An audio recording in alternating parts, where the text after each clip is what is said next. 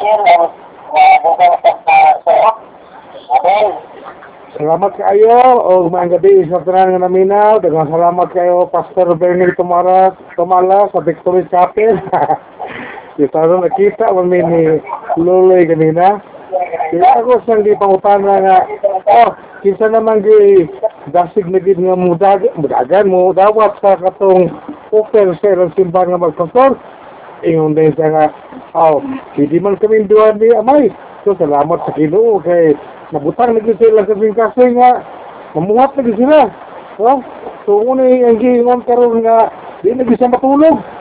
No? Kaya na matulog ka, eh, naman kay ginansya na, kanang muta dahil. No?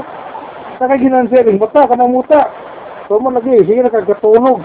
Kasi kini makatulog, malambok ka, sino, nakapahulay ka.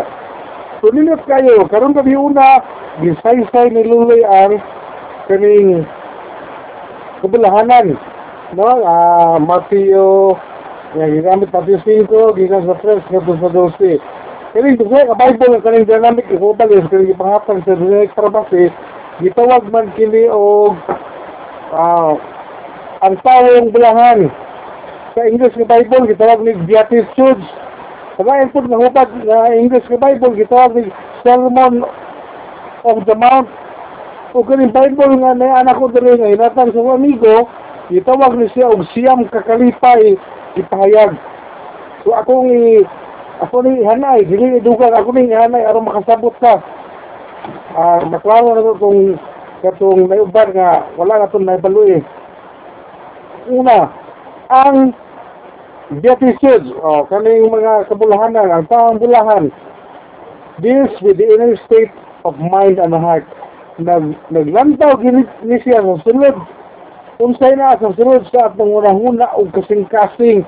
Nga dili gid pwede masalikway dili pwede dili tagdon.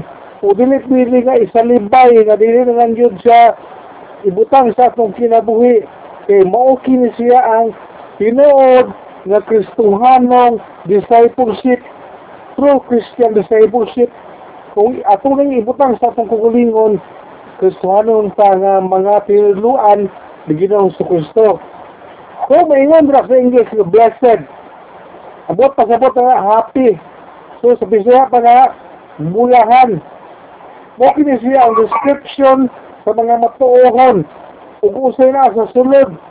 Nato resulta sa gihimo sa Dios nato kung ina ni nantaan mga igsoon sa kani naman sa karaang tugon sad kung ina ni sa naon sa karaang tugon mo ni siya ang salmo 1 muna nga kani mga Kristohanon kinahanglan makamemoraz gid ang salmo 1 diba na blessed is the man who doesn't uh, who does not uh, uh, ano, li- listen to the advice of sinners and sick.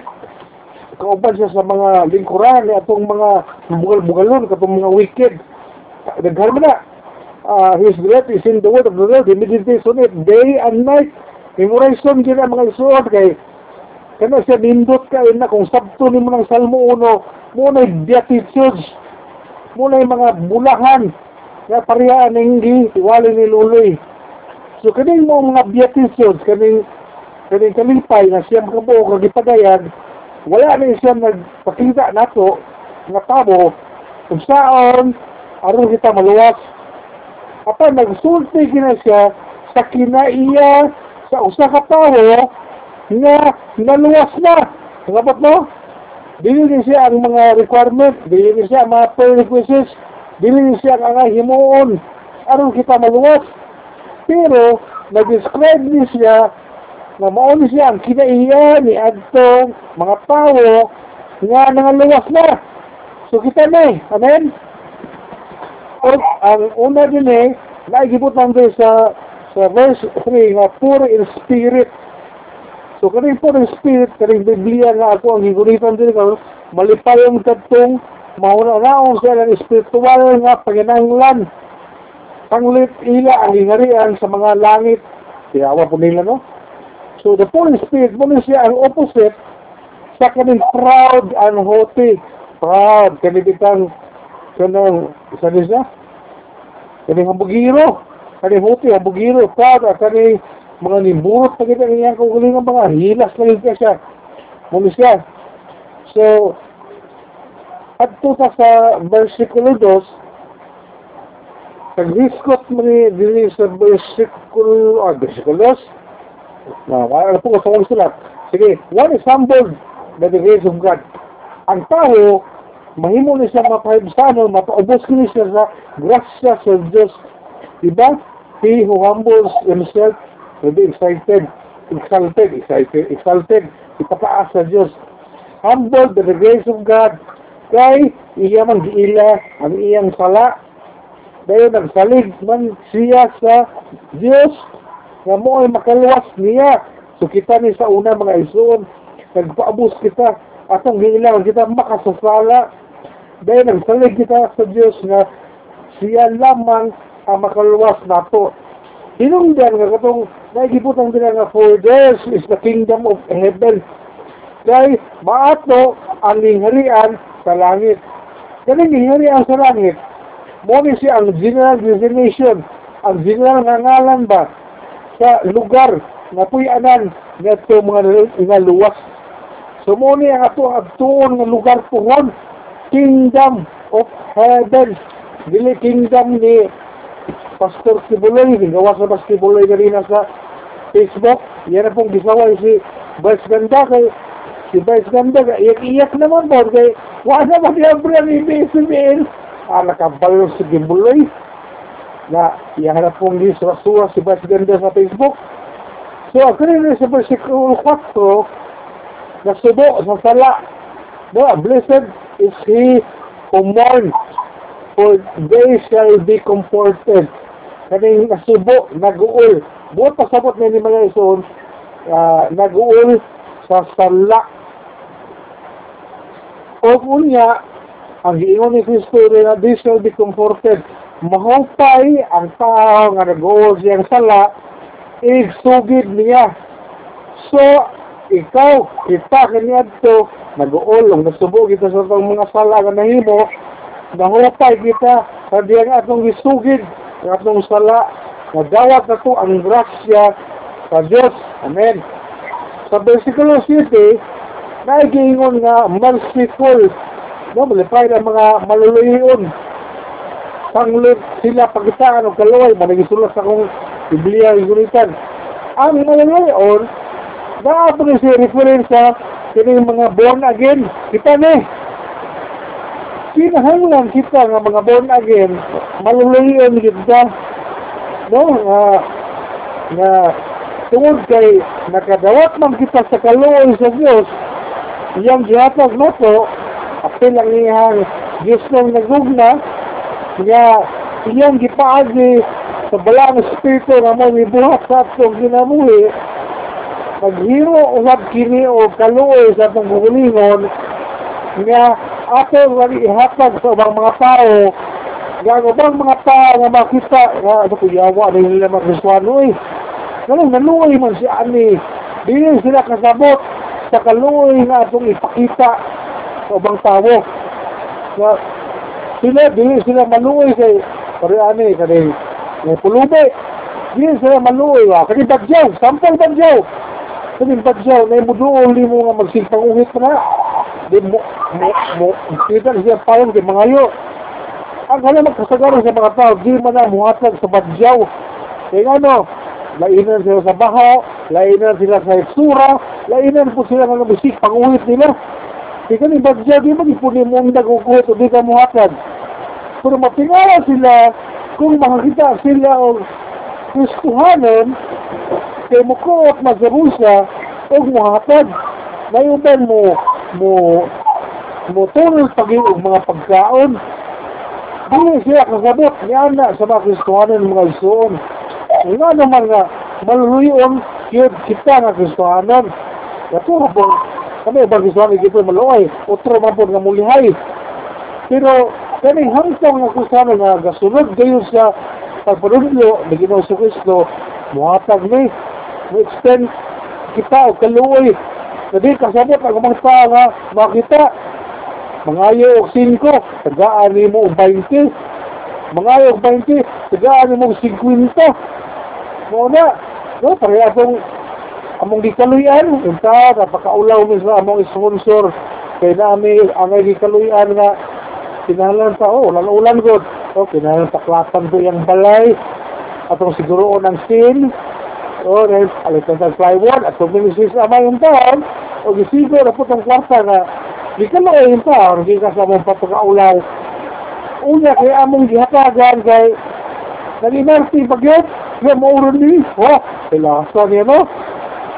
Kung maura ni, di inan mo ko siya silingan, nga mga pag, lubos-lubosin, ito ay, kaya katubong nag-abot ni, ngayon pag isyo, mangita, mangita kanumig para mo panday, wala, kahayahay po, pwede man, so di man na imong yuta, dahil pa palayan, sinintuhon pa rin balay na, so di man na imong yuta, yuta pa na sa gobyerno, sinintuhon pa na, para na itong balay ito atong bungkag ni Waminal, nga, ang gihatag, kay Sintamil, kaya iyak ka, pag iyak, iyang balay, kapit mag-abot ng 300,000, nagibungkag ni Waminal, ni mo condominium, burok salis ba na burok dos, ni iyak, usa namang sa Sintamil, muna din ha.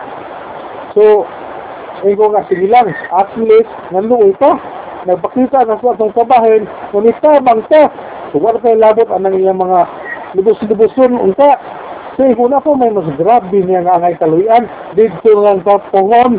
Yan, niingot po kita akong sponsor, kaya akong mga ipakita ang litrato in town Facebook, akong ginisip niya si Brad. Atong tugangan, Brad, eh ko ayaw, ayaw na lang, kaya basin magsalig niya atong gitabangan. Ato sa niya palihukon. Ah, anto karo, wag na nilihok. O, nag-ulan na lang. So, amot lang, o nagmahay pa sa iyang huna-huna. O sige na lang. Kaya maluwi ang maguta, gusto nga nun. Luwi kayo. Muna nga, tabangan na po. Kaya ako mas kaubang ang gusto nga nun. Di ba? Exercise. Gis mo na. No, ilabi na sa kung kung kung if you have the opportunity to help help everybody, especially those in the household of God, di mo kauban sa pagtuo, itabangan nga mo to. Kay, hindi ako doon itawa itong asawa. Kemudian gibiyaan sa asawa tingali kay kapulan man mamulihok niya eh. So wala na lang po, no? Ampo na lang nga mausog do ihang ihang pagka asyo, nga, asyuso. Asyuso nga kasing-kasing.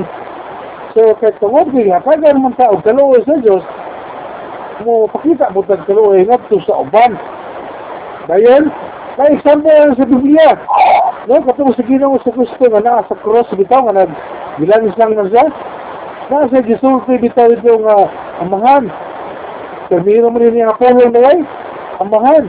Pagkailuwa sila, kaya wala sila nasayod sa ilang gibuhat.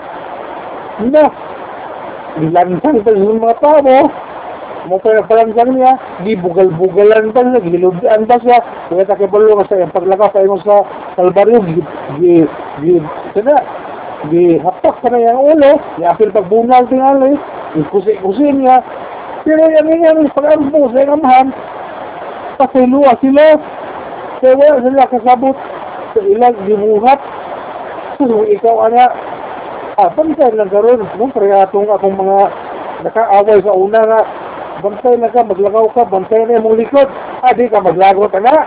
Kabantayan ang imong likod, saan mo rin kaniya? Kasi no, pusilin ka, di balikan ako sa imong gingon. Bantay yung likod, eh, pabangon nung tikaron. Una na sa una nga, una na ako kung pagsulti, maglagot, di ko. So, muna yung sunod, sa versikulo 8, yung malipay ang mga putli sa kasing-kasing. Sanglit sila makakita sa Diyos. Kapag mga tao nga makakita sa Diyos, mauto sila ang mga putli o kasing-kasing. Kung kita putli ang atong kasing-kasing, aklaro kayo nga makakita kita sa Diyos. Wala din siya nagpasabot mga insayon na di na dito ka, wala dito sa sala. Dili mo mo. Pero, ang atong posisyon sa tubangan sa Diyos, nalahi na, kay naputli na itong kasing-kasing. So, kaya sa Diyos na to, di na pa lagom. Di na pa lagom magilot. Putliin na ka. No, mura na naka duty uh, up. Mura na pa naka hid-hid o tarla o gluta. Putli na ka. Tingnan naman, Niagi naman sa kausaban sa atong kuhulingon. Kung sa man nga kausaban, wa ako na po na isa-isay. New birth. O buot na ni new birth, bago ang pagkatao. Ah, natao mo sa pag-usap. Dahil saving rate, kaya akong gibalik-balik pa ingon. Nga atong pagtuot, makaluwas yun. Dili pagtuo nga, totoo ta ani mga ginulit, kani mga kahoy, kani gipagtaplak. Dayo nagpuyo kita nga bayaan.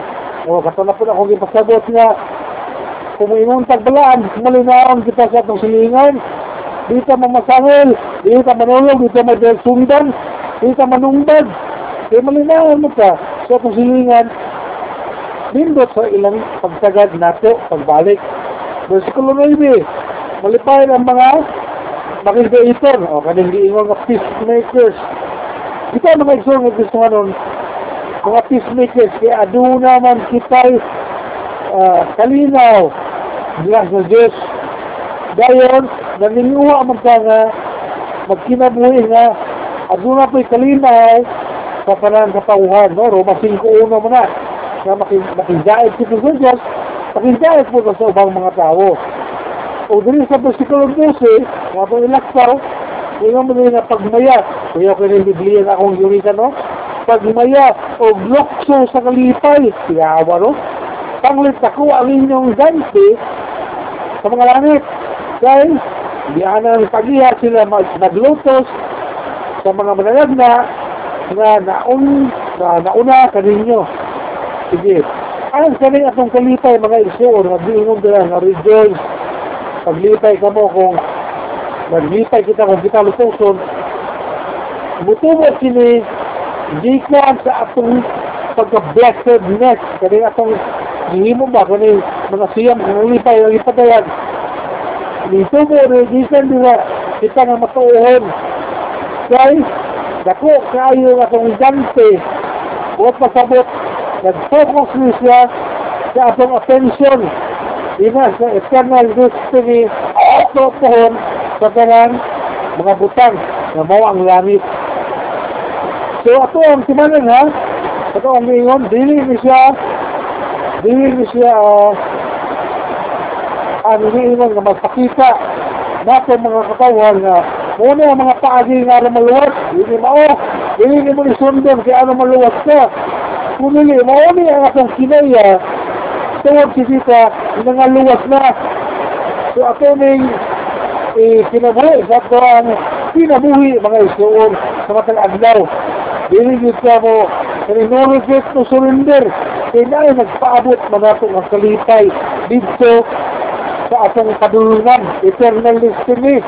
So dito ang balay sa Diyos Amahan na siya ang nag, nag, nag, nagpabalik na to paingon dito aron magkakauban kita niya kung sa iyang bugtong anak na si Ginoo si Kristo.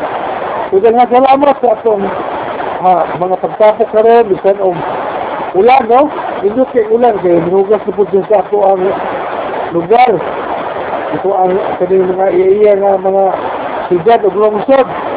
Ako gaduda ko nga kani ulan na may dala gini lapok din sa mga bay lapok gini mga bay uma bisa pa magyad din ng silong sa mo lapok gini uma di kabuntag so salamat sa Ginoo kung diwasa na po niya.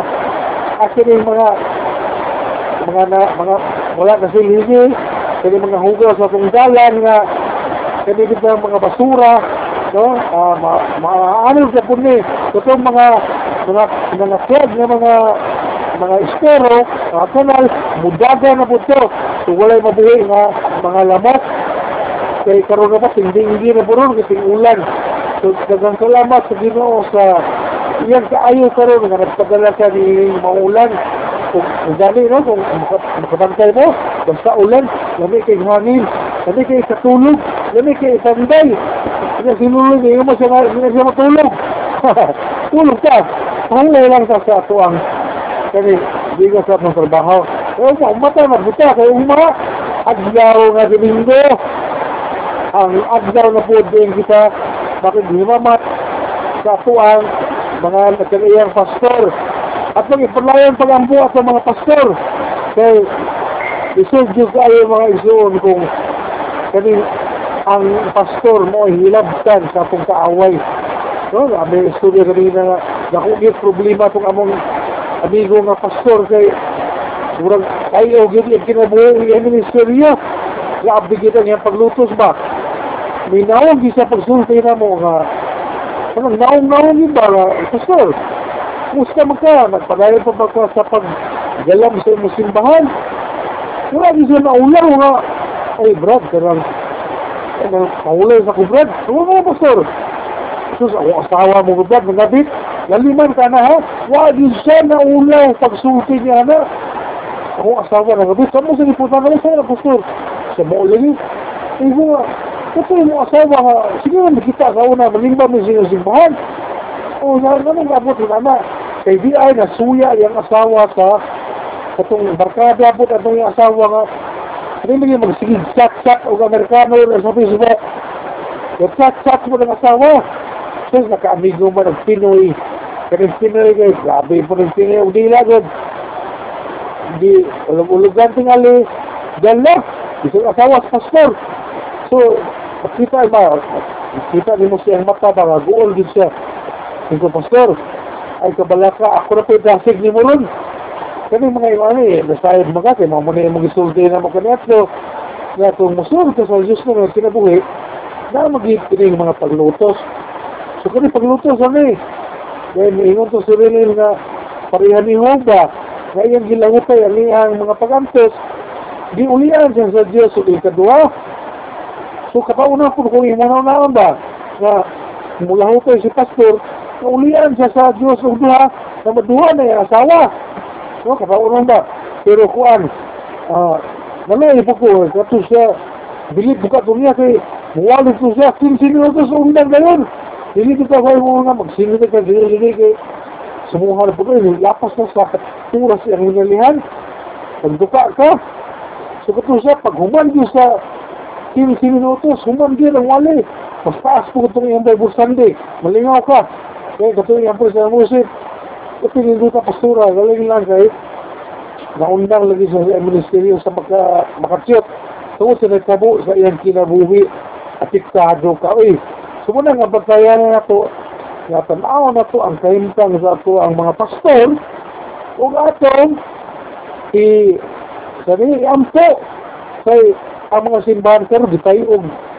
Gitayog ang ilang mga pastor. O sa mo agad na ito pastor nga nagubot na pod nga ang pastor na mo nangluob o nangluob na. Kung nanghid nga murisign tao na wala na po yung pastor. So hallelujah. Ang kaning pastor maging mahilap ka nagunas ka away kay kay pala sa away ka mo man itiguyod gud magbalantay man eh so kung mawala na magbalantay magkatibulaan ang mga karniro so pagkaya mga isuon nga ampo parang kapasturan sa kiswanong simbahan. Inyong pastor mismo. Alimahin na. Kay kung mawala na siya. Wala na lang pastor mapariyanan niya. No? Kanang luoy kayo o kaning kaya kumanghod nga nangandoy man ang bagpostol silang doon sa asawa lahat ang panayampo kay ngatong-ngatong muabot sa kantong sa pagtuo sa pagpangalagad sa ginoo.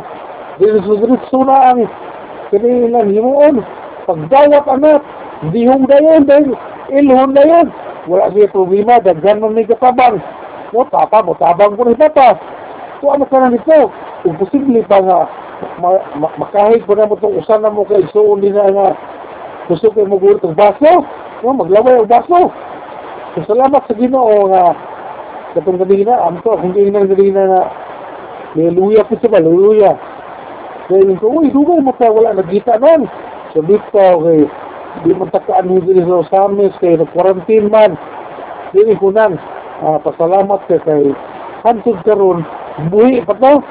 Wala ka namatay, COVID, wala ka nabanggay, sigyahe, wala ka gihilantan nga, diretso na taog katong burgis. So, bitaw, kusok kasalamati ang Ginoo kay nakabot pa kita karon. So kita, we have every right, no, wala rason. Kanta mo na, awit pa na to, ha, wala rason. Nadili na to sa simbahon. So siya man ang gahatag na to sa itong busog sa pangan. Walay ko ng Diyos sa kinabiyon, walay ko ng Diyos sa kinabuhi ni Lolay, walay ko ng Diyos sa kinabuhi na itong tanan. O ang uban nga mga pagdaswig, sige akong iuli sa MC. Hallelujah!